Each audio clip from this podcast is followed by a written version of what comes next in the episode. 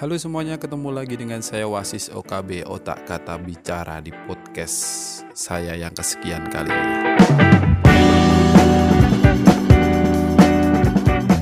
Eh, saya ini adalah penggemar podcast, podcast apa pun pasti saya dengar. Karena saya pada prinsipnya itu suka suka mendengar.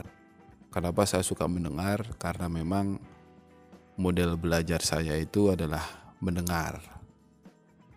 Dan beberapa kali saya mendengarkan podcast yang menurut saya menurut saya ini ya ini menurut otak saya itu kurang tepat gitu kan. Karena apa ya tidak semuanya orang bisa bisa mencerna. Dan kebetulan podcast podcast yang saya dengarkan itu yang hubungannya dengan motivasi hidup gitu.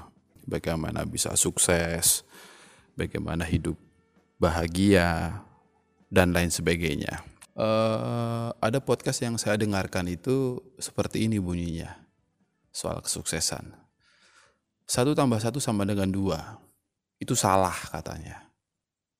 Kalau saya sih satu tambah satu sama dengan dua. Itu pasti. Kalau pengen jadi empat ya berarti ya satu tambah tiga. Kalau pengen jadi sepuluh ya satu tambah sembilan. Jadi sepuluh. Kalau pengen jadi seratus ya satu ditambah sembilan puluh sembilan.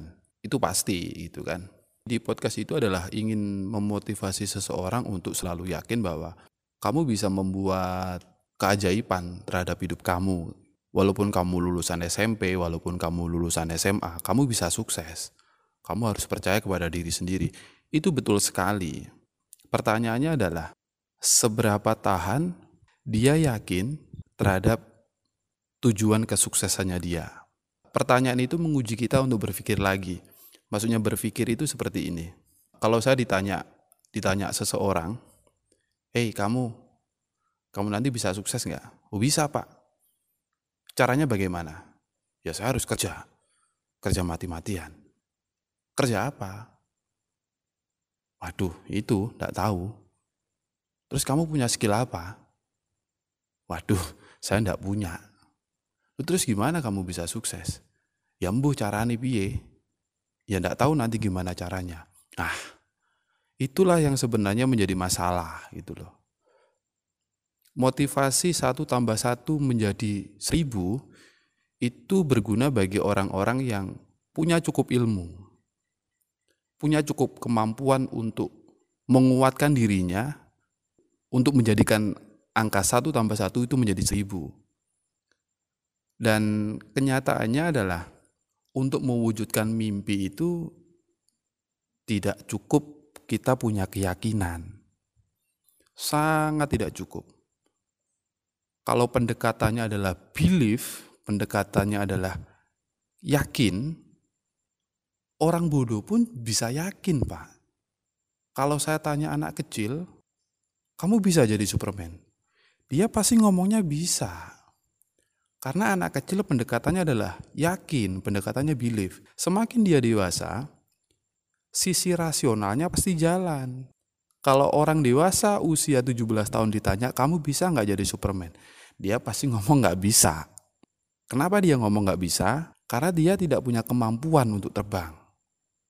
Ah, itulah yang membedakan kalau saya ngomong sama seseorang yang belum punya kemampuan untuk mewujudkan kesuksesan, saya selalu ngomong adalah satu tambah satu itu sama dengan dua.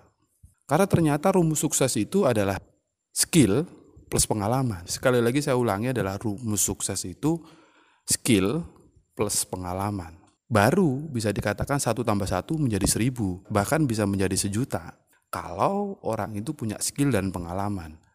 Lah yang jadi pertanyaan adalah kalau orang itu tidak punya skill dan pengalaman, mau kita motivasi kayak apa pun, orang yang kita motivasi tidak akan pernah yakin. Mungkin yakinnya ketika kita ajak ngobrol, tapi setelah pergi dari kita, setelah tidak ketemu kita, dia akan berpikir, masa iya saya bisa sukses? Gila pak.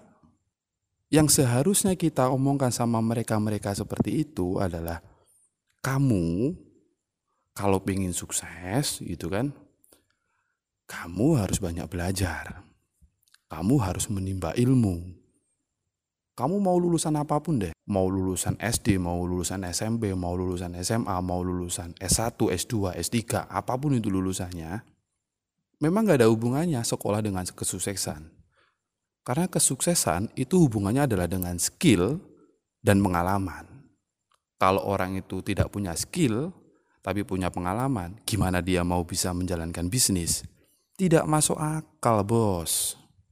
Jadi ketika kita ingin merintis sesuatu atau kita punya keyakinan bisa sukses, kalau kita tidak punya skill dan pengalaman, jalan satu-satunya adalah kita harus belajar. Belajarnya pertanyaannya adalah kepada siapa? Kepada orang yang lebih sukses.